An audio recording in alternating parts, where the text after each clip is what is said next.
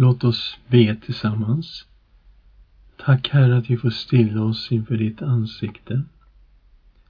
Och jag ber Herre att du öppnar våra ögon, öppnar våra öron, våra sinnen och att du verkar i oss med din gode heliga Ande och tala till oss från ditt ord. I Jesu namn. Amen. Ja, vi är inne i en del av Jesaja som jag kallar för trösteboken. Vi har kallat den delen för babylonisk period med befrielse och hopp och det är kapitel 40 till 66. Och nu studerar vi en del som vi har kallat för att Gud ska befria folket från Babel kapitel 42, 13 till 45, 25. Vi har noterat detta att Jesaja har profeterat att Juda ska en dag föras bort till Babel. Det såg vi i kapitel 39. Och nu möter vi det här igen. Och nu handlar det om hur Gud i alla fall ska befria dem ifrån Babel.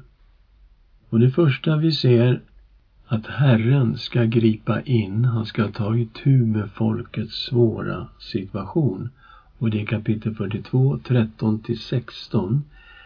Här ser vi att Gud beskrev sig som en krigare i full rustning som nu var fast besluten att ställa allt till rätta igen. Och så kommer vi till detta som är temat i boken. Israel var blind och döv. Israel kommer i det här avsnittet att hänvisas till som Herrens tjänare. Vi har sagt att ibland möter vi Israel som Herrens tjänare här. Men det står ju i en enorm kontrast med Herrens tjänare som vi mötte tidigare i det här kapitlet 42. Det här messianska kapitlet som visar på Jesus Kristus som Herrens tjänare. Här möter vi en tjänare som är både döv och blind.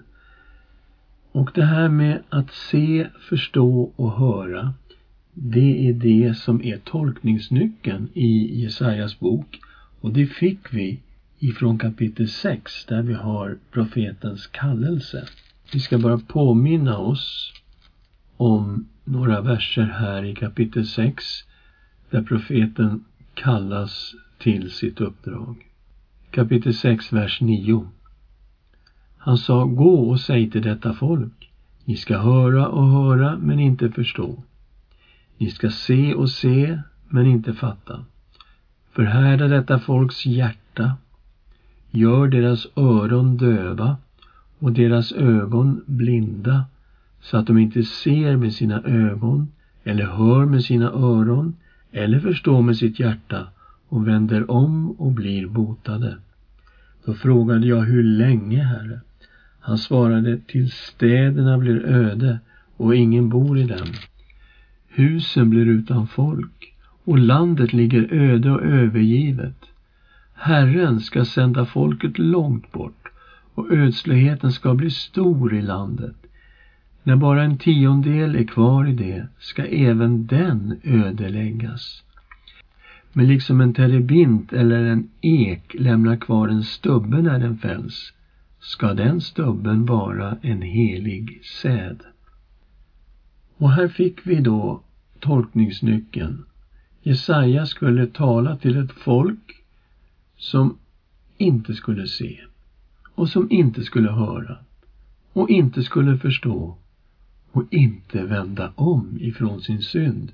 Och resultatet skulle då bli att folket skulle föras bort i fångenskap.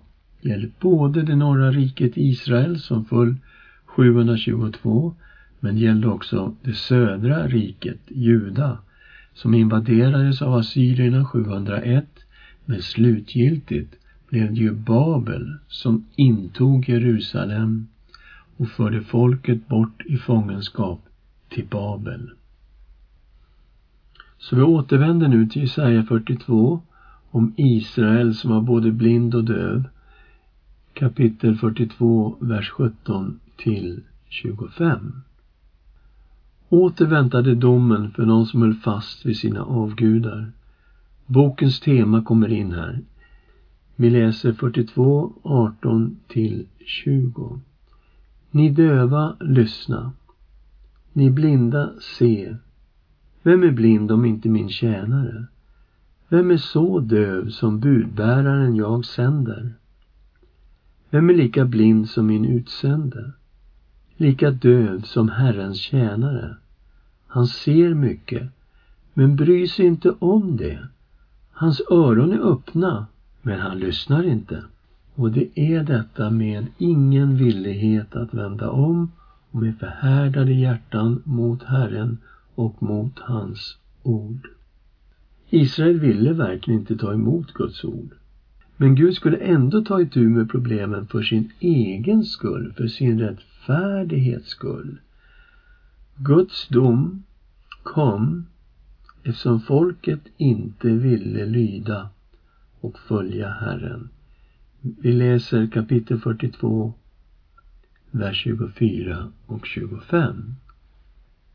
Vem har lämnat Jakob till skövling och Israel och plundrare? Är det inte Herren som vi syndat emot? De ville inte vandra på hans vägar eller höra hans undervisning.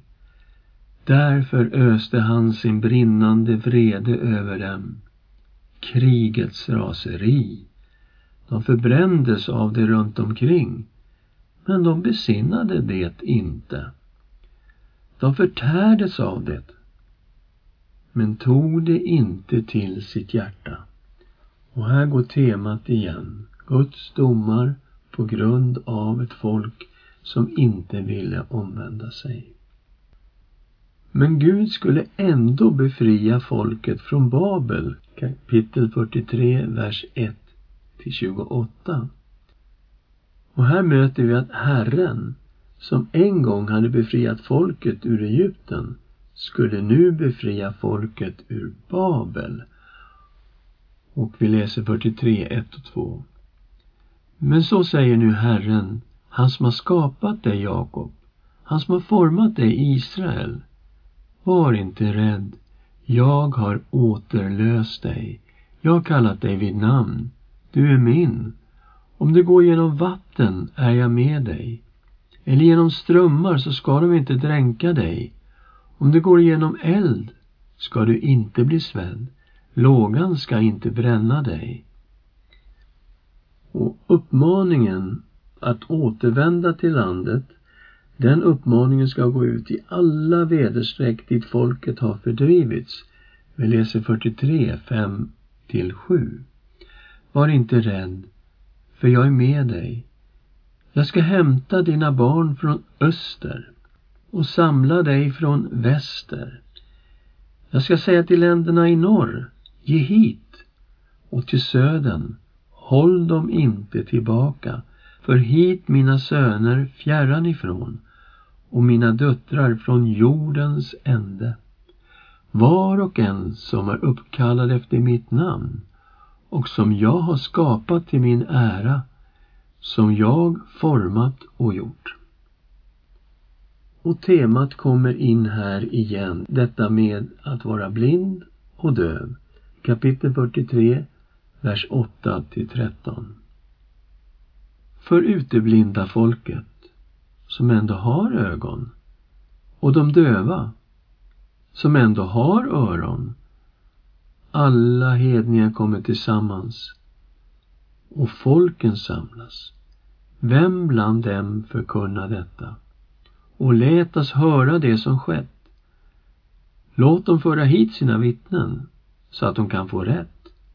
Låt dem höra så att de kan säga det är sant. Så folken ska få en chans att låta människor vittna om vad deras gudar har gjort. Men det finns några som är Herrens vittnen. Vers 10. Ni är mina vittnen, säger Herren, och min tjänare som jag utvalt. För ni ska känna mig och tro på mig och förstå att jag är och här förstår vi nu att det här handlar ju om kvarlevan. Människor som har vänt om till Herren och som är vittnen och förstår vad Gud säger. Före mig blev ingen Gud formad. Efter mig ska ingen komma. Ja, jag är Herren. Förutom mig finns ingen frälsare. Det är jag som har förutsagt och frälst och förkunnat. Ingen främmande Gud ibland er.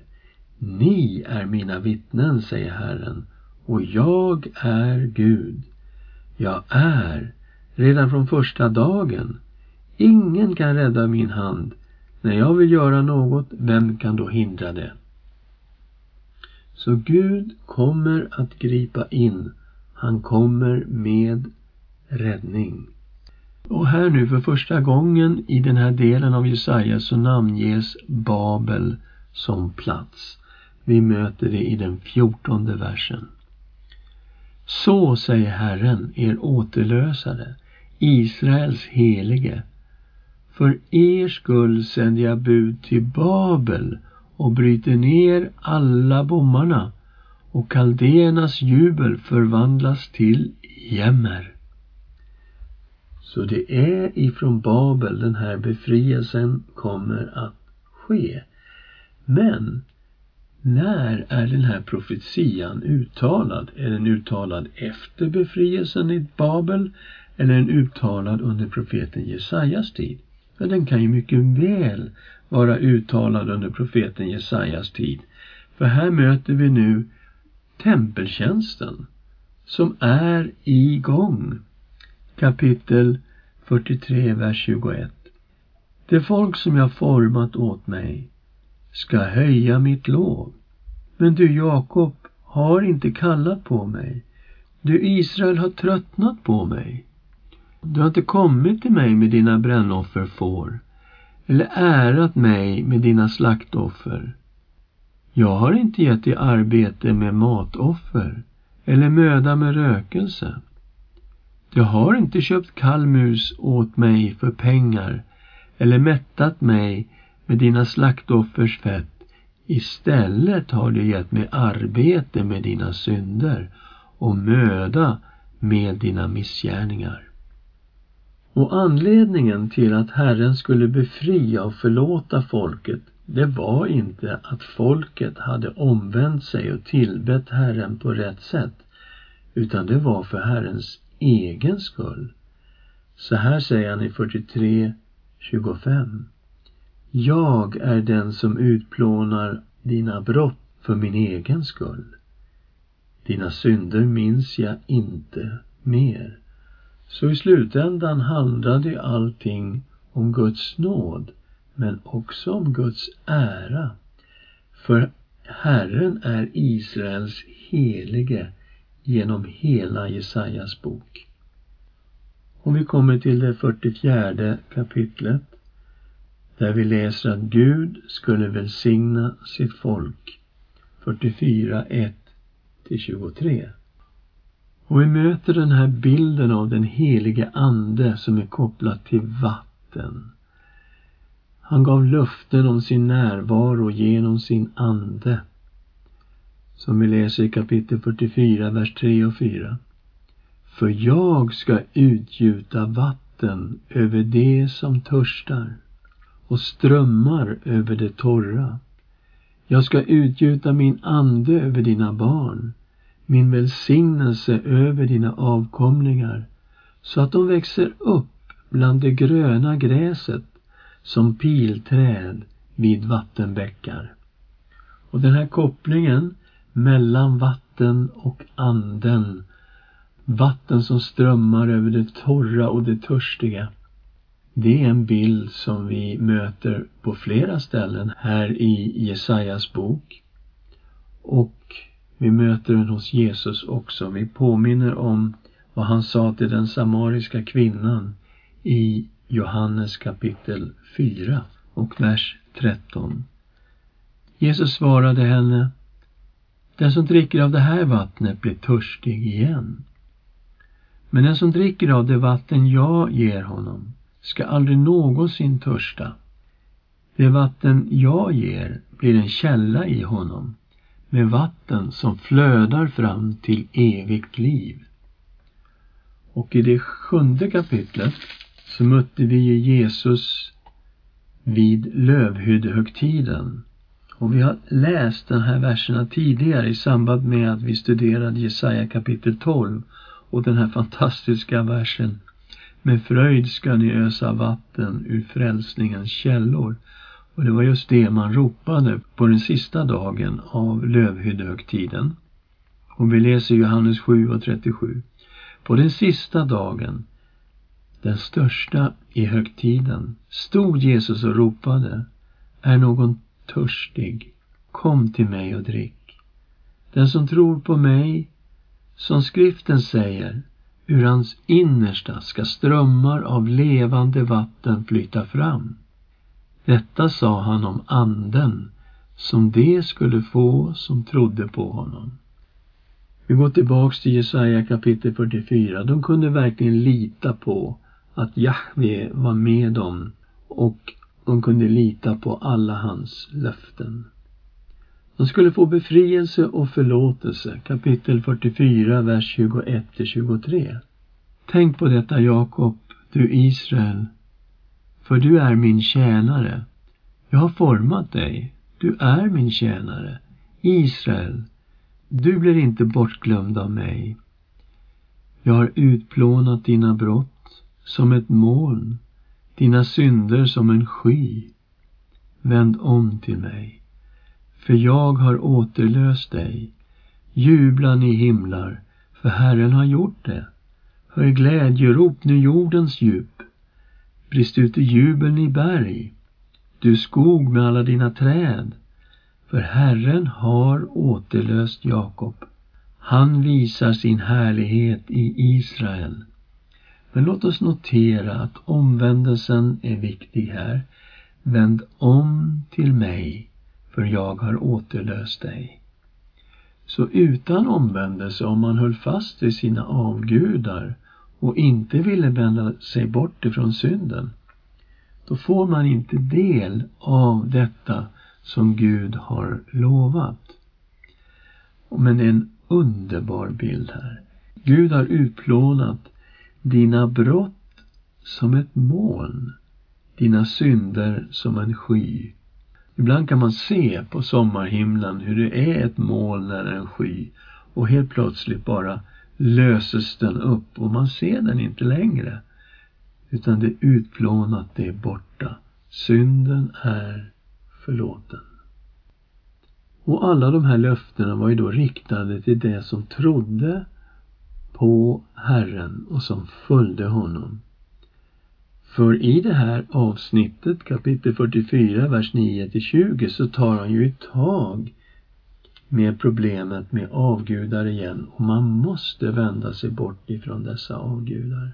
Han återupprepar tolkningsnyckeln till brevet. Kapitel 44, vers 18 står det så här. Dessa människor vet ingenting.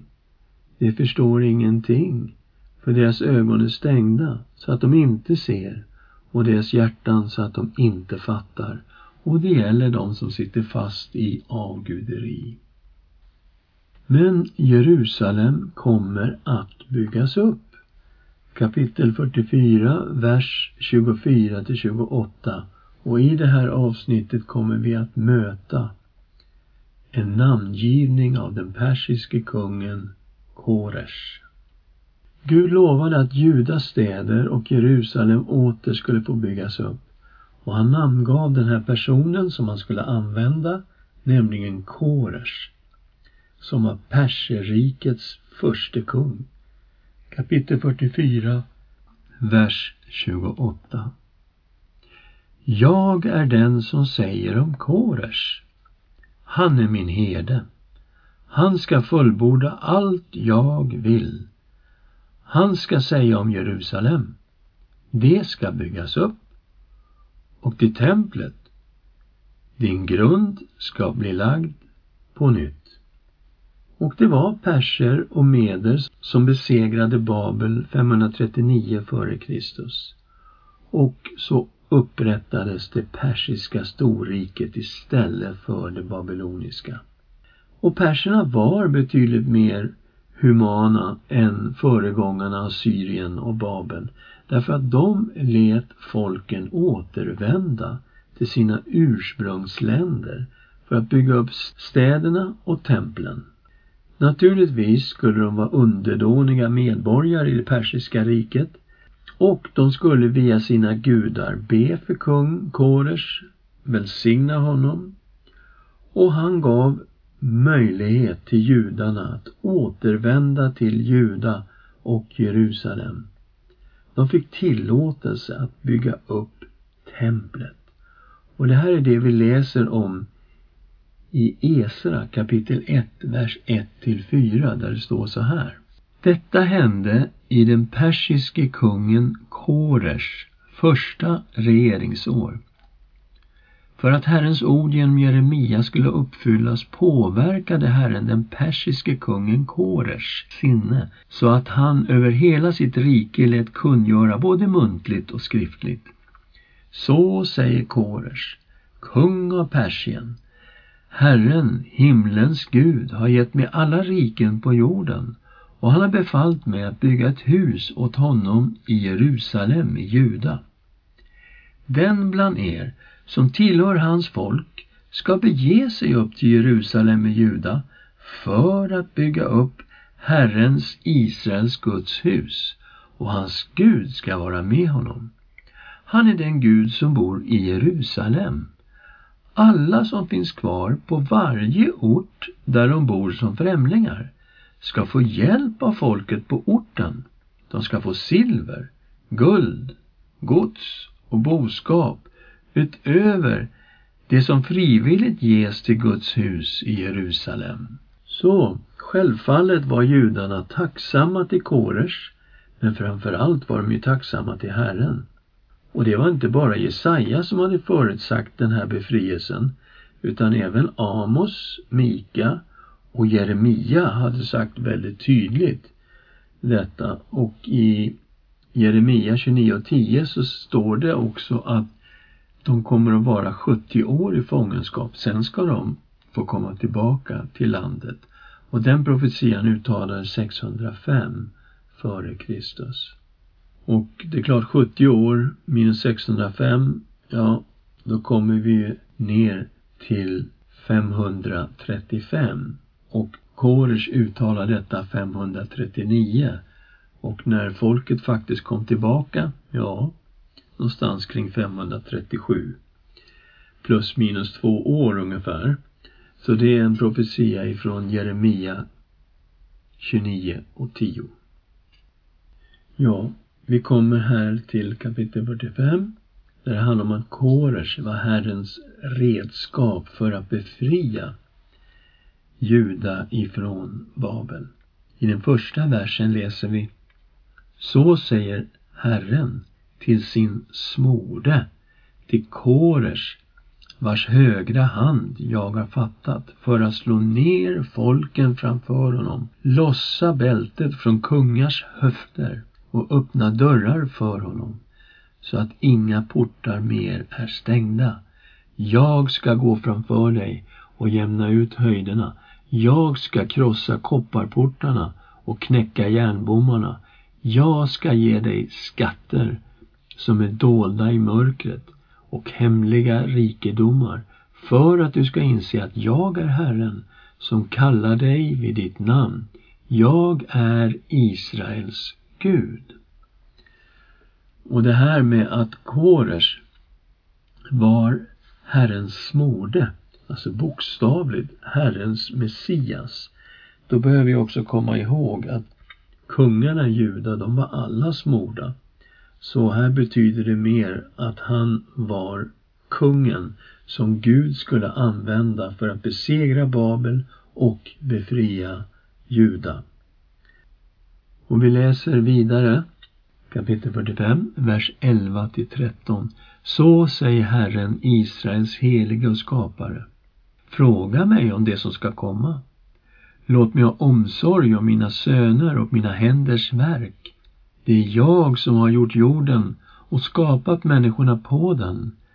Det är jag som har spänt ut himlen med mina händer och gett befallning till hela dess här. Det är jag som har väckt upp honom i rättfärdighet och gör alla hans vägar jämna. Han ska bygga upp min stad och släppa mina fångar fria, men inte för betalning eller mutor, säger Herren Sebaot. Så, det är Koresh som kommer att släppa iväg judarna och se till att Herrens stad Jerusalem blir uppbyggd och att templet blir uppbyggt. Och ingen skulle i slutändan betvivla att det var Herren som befriade sitt folk. Vi kommer till vers 15 till 17. Du är sannerligen en Gud som döljer sig, du Israels Gud, du frälsare. Alla måste de skämmas och blygas. Avgudamakarna har gått bort tillsammans i skam. Men Israel blir frälst genom Herren med evig frälsning. Ni ska aldrig i evighet behöva skämmas eller blygas. Så det är Gud som har befriat Juda ifrån Babel, men han har använt Koresh. Och i slutändan är det ju så att Herren är ju suverän över alla avgudar och alla folk borde egentligen tillbe honom. Kapitel 45, vers 22 och 23. Vänder till mig och bli frälsta, ni jordens alla ändar, för jag är Gud och det finns ingen annan. Jag har svurit vid mig själv, ett sanningens ord har gått ut från min mun, ett ord som inte ska tas tillbaka. För mig ska alla knän böjas, alla tungor ska ge mig sin ed. Och här hör vi ju faktiskt ett eko från Paulus ord när han skriver till Filipperna i kapitel 2 om att alla knän ska böjas för Jesu namn, alla i himlen, på jorden och under jorden och bekänna Gud Fadern till ära att Jesus Kristus är Herre. Ska vi be tillsammans. Herre, vi tackar och prisar dig för att ditt ord står fast. Och vi tackar dig för de här profetiorna som gick i bokstavlig uppfyllelse. Det är sant att folket kom iväg i fångenskap till Babel, men det är också sant att de blev befriade därifrån och fick tillåtelse att gå tillbaka, bygga upp Jerusalem och bygga upp Judas städer och bygga upp templet. Vi tackar dig för att du står vid ditt ord. I Jesu Kristi namn. Amen.